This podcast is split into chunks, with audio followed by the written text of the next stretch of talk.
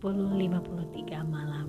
It's Christmas Eve. Malam Natal nih. Malam ini Sebagai perdana episode podcast gue Yang pengen gue omongin adalah Malam Natal yang tidak seperti biasanya. Karena jam segini Ya udah di kamar Dari berapa jam yang lalu sih sebenarnya kalau sebelum sebelumnya ya jam segini sih udah udah nyampe rumah sih ya.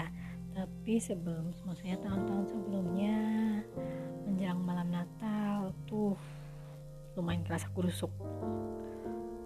Karena biasanya gue sebagai panitia Natal atau ini perbantukan lah pokoknya tim huru hara untuk acara malam Natal sampai Natal terus biasanya ya nyiapin dress nyiapin baju gitu kan. Buat pakai baju kayak apa sih gitu. Biasanya sih gue punya dua baju sih ya. E, karena ibadah gue pertama ngikut e, keluarga terus gue ke gereja sendiri deh gitu. Dekat sih cuma tinggal jalan kaki doang. Jadi kadang-kadang gue bawa dua baju deh gitu terlalu berlebihan malam Natal aja sampai pakai dua baju soalnya kalau tugas di panitia kan kadang cuma pakai kemeja putih celana jeans ya itu kayak udah apa namanya kostum panitia paling gampang banget uh, dijadiin. Pokoknya apa namanya uh, jadi dress code-nya panitia deh paling sering banget kayak gitu sih. Kalau nggak putih bawahnya jeans atau enggak atasannya batik bawahnya tetap jeans atau atau celana gelap lah pokoknya gitu. Jadi biasanya gue kalau gereja bareng bonyok bareng keluarga gue pakai dress bagus cantik habis itu prank lepas. Iya malam Natal tahun ini benar-benar beda banget. Beberapa teman bilang kayak aduh nggak berasa banget ya di lagi malam Natal. Karena itu kehilangan momen-momen um, aktivitas yang tidak seperti biasanya. Tapi di sini gue merenung um, kenapa ketika tidak melakukan aktivitas-aktivitas yang seperti biasanya kita malah kangen. Tapi ketika saat itu tuh saat itu saat saat, saat kita melakukan saat kita bisa melakukan aktivitas-aktivitas itu kita kayak yang aduh. Ya itu kayak misalnya gue susah nih bagi jadi jadi jadi ribet bagi waktu jadi ribet harus bawa kostum gue um, jadi rapat-rapat mulu nih karena panitia Natal kayak gitu kan. Malah ngeluh malah berkeluh kesah malah berasanya kok jadi entah itu beban atau ya pokoknya kita berkeluh kesah jadinya kayak gitu. Nah tahun ini dikasih istirahat. Dikasih ya udah lo stay banyak banyak banyak stay di rumah kita jadi malah kangen. Kita kangen itu uh, aktivitasnya. Terus gue baru sadar pas gue ngeliat ada foto jadi pas gue buka Instagram uh, foto kita apa gue sama teman-teman lagi berfoto setelah ibadah gitu. Damn kenapa gue nggak kangen sama situasi ibadahnya ya? Kenapa gue nggak kangen sama hmm, duduk atau mendengarkan khotbah ibadahnya ya. Kenapa gue, gue cuma kangen sama kegiatan rempong-rempongnya? Ya karena gue sih gue sih merenungkan karena di saat ditunjuk sebagai tim huru hara tim rempongnya itu ya gue cuma fokusnya di situ doang. Gue malah jadi nggak fokus sama makna malam Natal sendiri. Gue jadi nggak fokus sama apa yang pendeta khotbahkan ya udah hilang aja maknanya gitu. Karena terlalu fokus sama uh, kegiatannya sama apa yang gue jalankan itu. Justru sekarang nih di saat jam segini gue masih eh gue di kamar merenung deh ini malam Natal ini loh momen yang sebenarnya harusnya dari tahun-tahun tahun-tahun kemarin itu kita rindukan. Ketika momen ketika lo bisa berdiam diri lo benar-benar merasakan atau benar-benar menyadari ini malam ini malam Natal malam menjelang ketika tadi Yesus lahir malam ketika kita nggak tahu kondisi situasi saat itu Maria dan Yusuf seperti apa mencari hotel tempat mencari hotel maksudnya mencari tempat menginap mencari tempat untuk uh, melahirkan apa yang dipikiran mereka semuanya segala macam itu kita nggak ada yang tahu.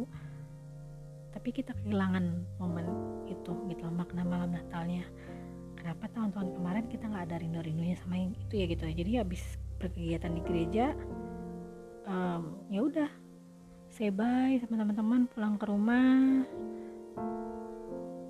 Udah tidur. Besok siap-siap untuk ibadah Natal siap-siap untuk um, menjalankan tugas yang lain lagi gitu. Sempat kepikir gak sih? Kalau seharusnya momen berdiam diri ini yang kita harusnya rindukan kita benar-benar merefleksikan diri menjelang Natal nih besok nih. Ya buat lo buat gue Natal itu apa sih? Apa cuma sekedar perayaan kelahirannya Tuhan Yesus? Kadang-kadang kita suka dengar ya hmm, khotbah pendeta Natal jangan cuma sebagai perayaan doang masa tiap Natal maksudnya perayaan itu datangnya cuma tiap Natal doang gitu. Ketika Yesus bangkit naik surga nggak terlalu seramai ini gitu. Tapi justru kita kembali ke fitrah coba renungin selain makna dari Natal itu adalah kelahiran Tuhan Yesus kita juga lahir baru nggak sih? Setiap kita apa ya men, menjalankan atau setiap kita ketemu hari Natal apa sih yang berubah apa sih yang membuat kita, apa sih yang bikin kita jadi lahir baru lagi? Hmm. ya sih apa ya? Well mari kita sama-sama cari tahu jawabannya. Mungkin ada terselip di ibadah Natal besok. Jadi mari kita sama-sama besok kusyuk banget beribadah even itu cuma online ya. Gue juga akan mencoba meskipun online live on YouTube kita coba sama-sama maknain deh guys. Natal tahun ini tuh buat kita apa sih? Apalagi di tengah-tengah situasi kondisi negara kita bumi kita seperti ini situasi di mana kita harus menjaga banyak hal. Menjaga diri menjaga jarak menjaga kondisi badan kita supaya tidak terkena virus. Situasi yang membuat kita takut takut keluar rumah takut bersalaman dengan orang takut ketemu orang. Kita coba maknain Natal 2020 kita coba cari cari hal positifnya Hai.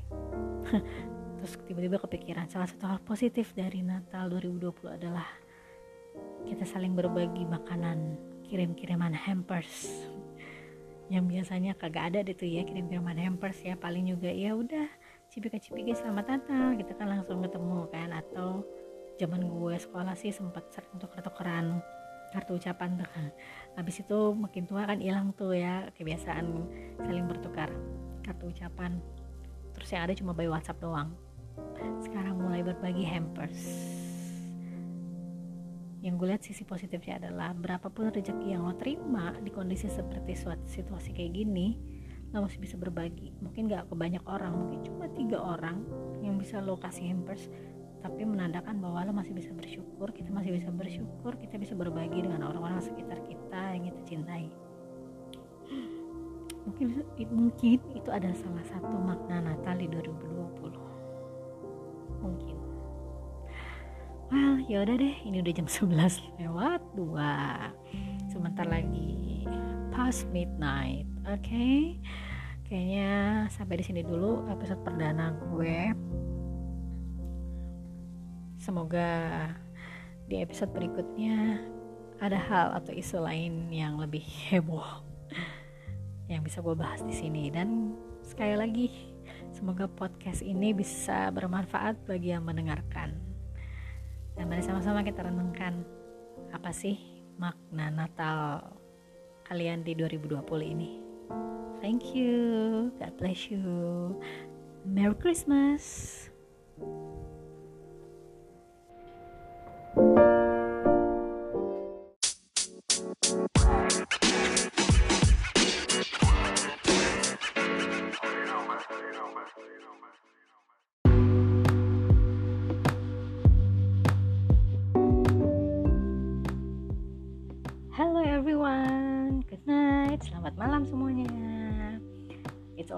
2021 dan huh, ternyata jarak dari uh, podcast episode pertama dan podcast yang sekarang cukup panjang ya. Terakhir podcast yang perdana adalah di malam nat malam Natal um, Christmas Eve 24 Desember 2020 dan sekarang itu adalah tanggal 13 Januari 2021 sebelumnya I wanna say Happy New Year 2021 mari kita sama-sama berharap kita berdoa di 2021 ini semua akan menjadi lebih baik dan situasi juga menjadi makin kondusif. Um, dan vaksin yang boleh dimulai nih sekarang dikerjakan ya di berbagai dunia termasuk di Indonesia itu juga boleh berjalan dengan baik dan kita semua bisa mendapatkan vaksin tersebut dengan aman um, ya yeah, hopefully there will be no corona again. Bye bye corona. Yeah, at least um, kondisi kita bisa menuju yang lebih baik lagi daripada sebelumnya. Oke. Okay. nah, malam ini jam 921 well sebenarnya gue nggak tahu mau ngomongin apa karena gue cuma kayak langsung um, merasa kayak wow udah lama nih jaraknya dari podcast yang pertama sama yang sekarang ini gitu. Kayak udah lama banget nih nggak mulai lagi podcast kedua. Tapi kita ngomong apa ya? Um, ya selain gue berharap 2021 um, keadaan dunia kita termasuk negeri kita menjadi lebih baik lagi.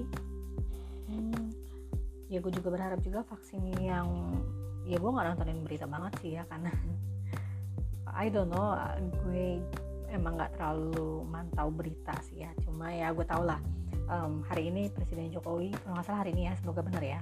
Soalnya gue, gue baru baca nih di sosmed gitu.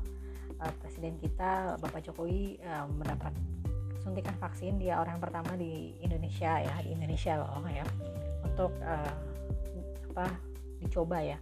Ya sebagai inilah orang pertama yang mencoba vaksin tersebut.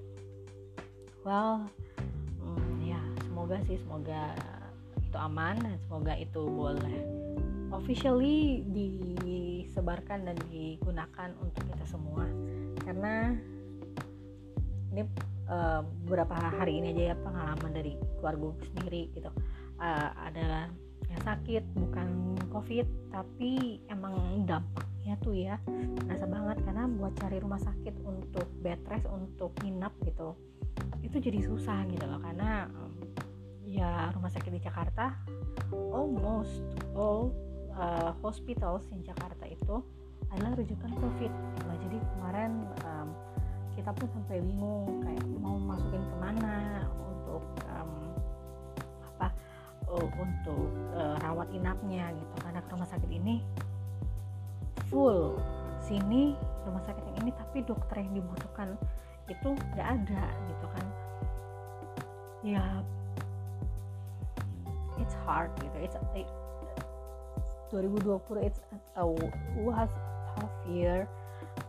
But hopefully 2021 ini kita bisa menanganinya dengan lebih baik lagi. Maksudnya kita bisa kita udah belajar dari 2020 hal apa sih yang kita tidak boleh lakukan? Dan ya maksudnya segala macam pencegahan segala macam um, apa ya segala macam pencegahan yang pada akhirnya kita belajar nggak boleh gini nggak boleh gitu. Kita harus pakai facial kita harus pakai masker. Makin makin nambah knowledge kita gitu kan. Makin banyak penelitian penelitian mengenai covid ini harus begini harus begitu. Itu juga yang merubah habit kita merubah gaya hidup kita juga gitu. Dan semoga dari dari yang tadinya berubah karena takut di 2021 ini ya, itu berubah menjadi hal yang baik atau hal yang positif. Kita nggak boleh uh, terus-terus memandang gila 2020 tuh parah banget hancur banget.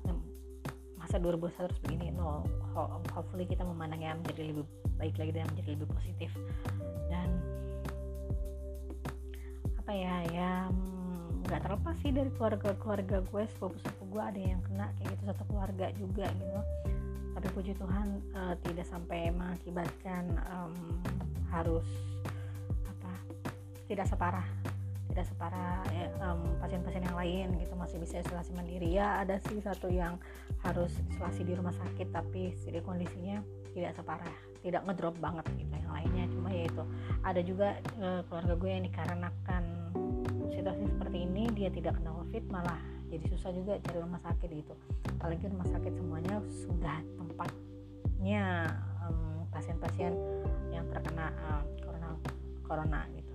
Hmm other things other thing. Um, kita yang belakangan uh, kita semua tahu. Di dua hari yang lalu ya? Ya mungkin ya. Um, tragedi Sriwijaya Air yang hilang um, ketika mau ah, tem aku lupa. Itu dari Jakarta Pontianak atau Pontianak Jakarta pokoknya. Um, uh, tujuannya adalah Jakarta Pontianak atau Pontianak Jakarta berduka cita buat keluarga yang ditinggalkan dan um, apa ya belaka, um, tadi pagi atau tadi siang ya gue baca di sosial media ada yang bilang jangan bilang itu takdir Tuhan dong karena kan ini gini gini gini itu masalah teknis apa segala macam wang ya untuk setiap tragedi yang terjadi gitu loh di Jakarta khususnya gitu ya netizen Jakarta. Kadang ada aja ya hmm, apa komen-komennya gitu. Kalau gue pribadi sih gue bukan tipe kali yang meninggalkan komen di jejak-jejak sosial media ya. Gue nggak pernah mengangkat eh, isu-isu uh, tertentu di sosial media gue. Gue masak status yang gimana gimana gitu. Bahkan soal Trump aja ya sesekali doang sih dan itu nggak yang nggak yang terlalu apa namanya yang nggak terlalu menjurus kenceng banget gimana nggak. Karena menurut gue um, itu hak masing-masing lo punya pendapat masing-masing iya benar. Tapi kalau lo bukan tipikal yang pinter berargumen bukan tipikal yang punya knowledge untuk uh, mendasari pemikiran lo mending nggak usah ditaruh di uh, sosial media gitu. Dan karena gue kayak gue lah gue merasa kayak gue nggak pinter-pinter amat nggak nggak nggak ngerti-ngerti amat nih tentang isu yang terjadi gitu ya. Entah itu tentang yang apa mengenai Sriwijaya ini entah itu tentang apa perkembangannya uh, COVID entah itu tentang si uh, presiden pemilihan apa uh, electionnya USA gitu. Gue nggak terlalu paham-paham banget jadi gue nggak pernah menyinggung itu di sosial media gue maksudnya gue menulis itu di status gue gitu karena ngapain sih kita nggak apa mancing mancing netizen buat berkomen gitu kan. Dan balik lagi opini setiap orang kita tuh berbeda-beda gitu. Jadi kalau lo nggak siap untuk digempur kalau lo nggak siap dengan argumen-argumen ini nggak usah aja kan? Hmm, mending kita ngobrol aja di podcast ini ya nggak sih? Santai-santai gitu kan? Kali ya udah ngalor ngidul. Di depan mata gua ada sosis dan ada omelet mie sekarang. Dan gue pengen makan itu sambil nonton. Mendingan kita nonton Netflix gak sih? Atau video. Boleh gak sih jemput brand di sini? Ya pada yang lah pokoknya. Well I uh, I hope uh, semua semua semua semua semua semua tragedi apalagi ya, yang mengawali di 2021 ini Januari 2021 ini bukan sesuatu yang apa jadi batu sandungan jadi ke depannya waduh kayak 2021 jadi jelek atau gimana. No mari kita mencoba untuk berpikir positif kita tetap coba berpikir positif. Gimana merubah hal-hal itu menjadi positif gitu. semoga semuanya menjadi lebih baik lagi ke depannya dan ya udah deh kalau gitu aku pamit undur dulu uh, balik lagi ya. Udah berapa kali gue ngomong semoga semoga dan semoga. Semoga podcast berikutnya tidak terlampau uh, berjarak. Semoga kita semoga kita tidak bertemu di 2022 ya baru mulai episode 3 nya ya I will see you uh, on Februari aja deh ya kayaknya akan ada bahasan deh nih gue rasa sih. Ya udah deh. Kalau gitu thank you for listening my pod um, this episode yang nggak jelas ini yang random banget tapi gue cuma kangen aja untuk ngomong. Thank you thank you once again. I'll see you soon next month. Bye bye stay safe stay at home stay healthy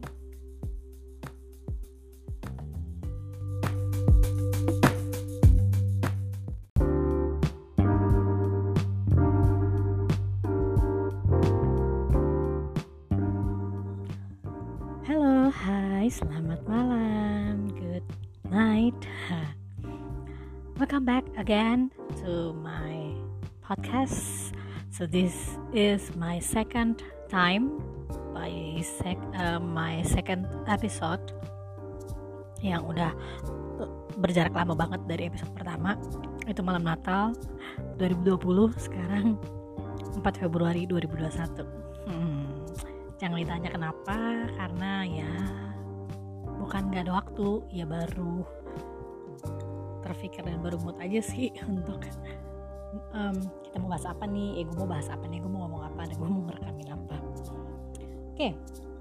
malam ini um, out of sudden gue pengen ngomongin aja beberapa hal yang belakangan gue kayak edik banget sih, gila parah banget, edik banget sama satu adalah um, mengenai musical siapa yang nggak tahu? Les Miserables. Oke okay. berhubung susah ngomongnya jadi gue bilang gue bilangnya Les Miserables aja ya. Gue lagi edik banget sama itu musical. Jadi waktu kapan ya? Gue juga lupa sih berapa minggu yang lalu. Lagi asik nonton malam-malam gitu kan nonton um, TV biasa gue ngambil channel itu selalu channel luar. Gak pernah nonton lokal oh, sorry bukan gimana gimana emang lagi keganti aja di channel luar itu sih. Terus pas gue ganti ganti ganti eh kok ada tayangan next apa next channelnya? Itu um, tulisannya Le Miserable ini apa nih gitu kan filmnya atau gimana? Dan kebetulan emang gue pernah nonton yang versi filmnya. And I like it. Gue suka banget gue suka lagu-lagunya gitu. Terus gue pantengin lah teaternya doang gitu kan wow banget nih gue nggak pernah nonton yang versi teaternya dan gue nggak tahu sama sekali um, apa namanya uh, aktor aktris di apa uh, musical gitu kan. Udah gue pantengin. Dan sorry. Dan gila itu parah bagus banget merinding banget. Dan gue tuh nontonnya malam lagi kan. Wow banget dari situ gue langsung cari tahu ini tuh um, tayang kapan uh, maksudnya kok bisa ada di TV gitu kan kok bisa ada di channel itu gitu. Ternyata itu adalah uh, Les Miserables versi apa? Um, bilangnya konser apa apa ya? Mungkin semacam itu lah di 2019 yang lalu. Jadi mereka mengadakan lagi gitu loh um, konser Les Miserables Les Miserables ini.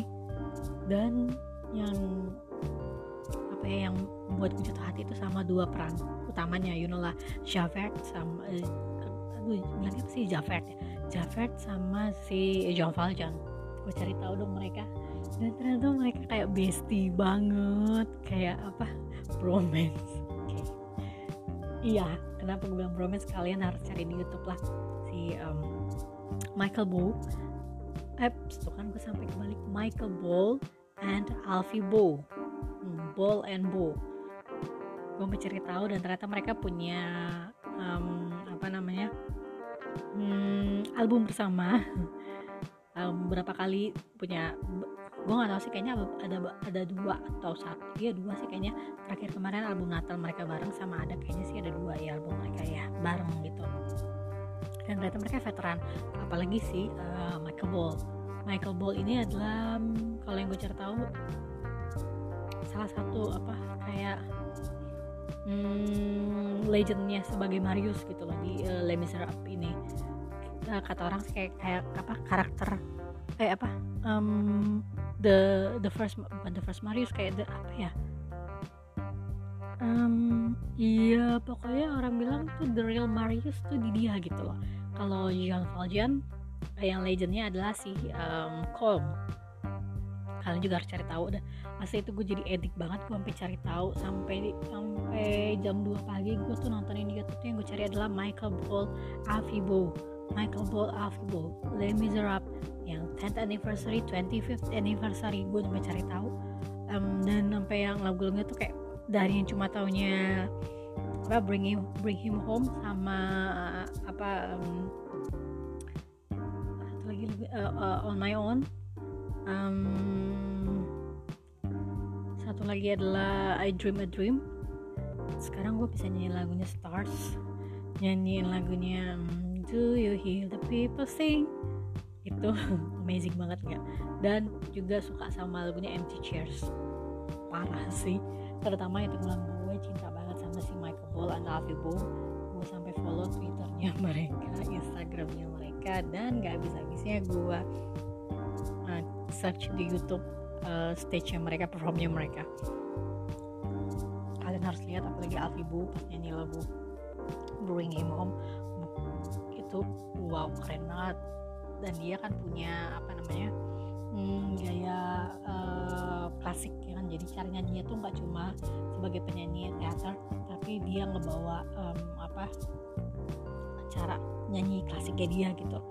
Dan Michael itu pas jadi Jafet nyanyi lagu Stars tuh wow so amazing buat gue sih. Dua orang itu yang bikin gue jatuh cinta sih sama makin jatuh cinta sama Miserables ini you guys please uh, do search them lah makanya.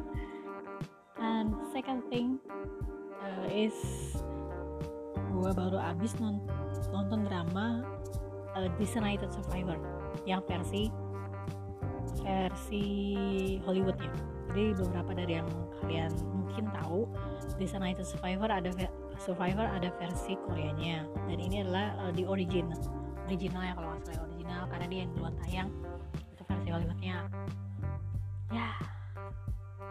Um, bisa dibilang gue juga cinta banget. Jatuh cinta jatuh cinta terutama sama peran si presiden Tom, Tom Crickman-nya ini. Uh, masih kebayang-bayang sekarang sih. Apa ya? Hmm, karismanya dia itu kuat banget di situ sebagai presiden. Karakternya dia tuh sebagai presiden yang jujur jujur banget juga um, timnya yang smart banget nggak cuma dalam akademik tapi juga apa ya mereka nggak ada nggak ada kepikiran untuk KKN nggak ada kepikiran untuk uh, apa namanya apa ya bilang um, aduh Bim lupa maksudnya mereka mereka tuh tulus dan mereka tuh setia gitu loh membantu presiden dalam keadaan apa pun. Terutama um, karakter jadi ada salah satu karakter di timnya itu si Emily itu um, yang apa yang bisa jadi sekretarisnya dia dari sebelum jadi presiden sampai jadi presiden. Maksud mereka benar-benar yang ngebantu banget si presiden untuk uh, stick on the uh, on the track gitu loh. Kayak ngingetin bahwa lo jadi presiden karena apa kan um, lo jadi kenapa menjadi kenapa bertanya di presiden tuh bukan karena suatu ambisi gitu loh itu yang mereka tetap jaga. Dan segala macam permasalahan-permasalahan yang dihadapi sama si Tom Crickman itu dari awal banget. Ya um, kenapa dia jadi presiden kan you know lah ya dia satu-satunya uh, apa orang di dalam kabinet kepresidenan sebelumnya yang terselamatkan tidak ikut rapat di apa gedung Capitol ya yang kena bom itu gitu loh. Jadi karena dia satu-satunya menteri yang selamat dia dijadiin lah di sana itu survival itu gitu loh. Dan dia diangkat jadi presiden. Karena secara supaya nggak kosong gitu loh uh, apa namanya supaya tidak kosong uh, bangku kepresidenan gitu loh. Dicarilah menteri yang terselamatkan dan itu si Tom Friedman ini. Jadi dia jadi presiden tuh ya karena itu gitu loh bukan karena ambisinya dia atau bukan karena dia mau aja gitu loh. Dan itu yang dia dia sorry. Itu yang dia pertahanin dari season 1 episode 1 sampai season 3 episode 10 hmm. itu yang dia pertahanin. Um, iya dia uh, ada ada beberapa episode yang maksudnya kayak pengen mengoyahkan dia kayak gue tuh harus uh, dengan cara kotor nggak sih? Um, me, apa namanya kayak menghadapi lawan-lawan gue tuh harus cara kotor apa apa cara bersih ya gitu. Ada ada sih di beberapa episode dia diperhadapkan dengan pergumulan seperti itu. Tapi pada akhirnya ya dia tetap kekeh untuk ya gue jadi presiden dan gue dikenal pada akhirnya gue dikenal sebagai presiden yang jujur apa adanya itu yang dia pertahanin. That drama is awesome. Keren banget dan telat banget sih gue tahunya dan tahu itu ada di Netflix. Telat banget tapi luar biasa. Dan nanti gue pengen nonton versi Koreanya. I don't know I did, I don't want to expect yang gimana gimana gitu. Bagus mungkin ya gitu ya nggak mau berspekulasi yang gimana gimana lah nanti. Setelah gue nonton gue akan bahas mungkin ya mungkin mungkin kalau ada waktu kalau moodnya bagus mungkin bisa gue bahas itu ya itu aja sih. Dua hal yang belakangan ini tuh bikin gue edik banget. Dan jangan salah abis ini nih ya abis selesai rekaman podcast ini nih gue akan balik ke YouTube dan gue akan mencari kembali performnya Michael Ball and Avi Bo please kalian harus cari tahu. Gila gue udah kayak marketingnya banget. Mungkin gue salah satu fans dari Indonesia yang pengen banget gue bilang hi you have fans from Indonesia. And kayak tapi malu gitu. One day mungkin ya di Twitter. Bisa kalau di Twitter mah boleh gak malu-maluin kan ya gua mau ah nge-tweet mereka. Ya udahlah guys sudah ngalur dulu banget nih gue ngomongnya. Uh, ya kalau kalian tertarik juga dengan Les Miserables dan tertarik juga dengan drama di sana itu Survivor please check it out. Di sana itu Survivor ada di Netflix um, Les, Les nggak ada sih full ininya tayangannya. Cuma kalian kalau mau lihat di YouTube juga ada sih uh, cuplikan-cuplikan dari um, para penonton-penonton yang nonton itu dan kalau kalian juga suka sama Michael Bull and Alfie Bull welcome to the club. Oke okay, karena sudah malam nggak sih? Habis ini gue pengen nonton dan ya tadi gue bilang gue pengen search lagi mas. Hal-hal lain kita sudahi saja obrolan ngalor ngidul kita kali ini. Semoga bertemu di episode ketiga. Tidak terlampau lama uh, jedanya ya. Semoga semoga. Oke okay, dan I hope you guys enjoy um, apa yang udah gue perbincangkan ini. Dan semoga tidak merusak telinga kalian. Thank you for listening and goodbye. See you next time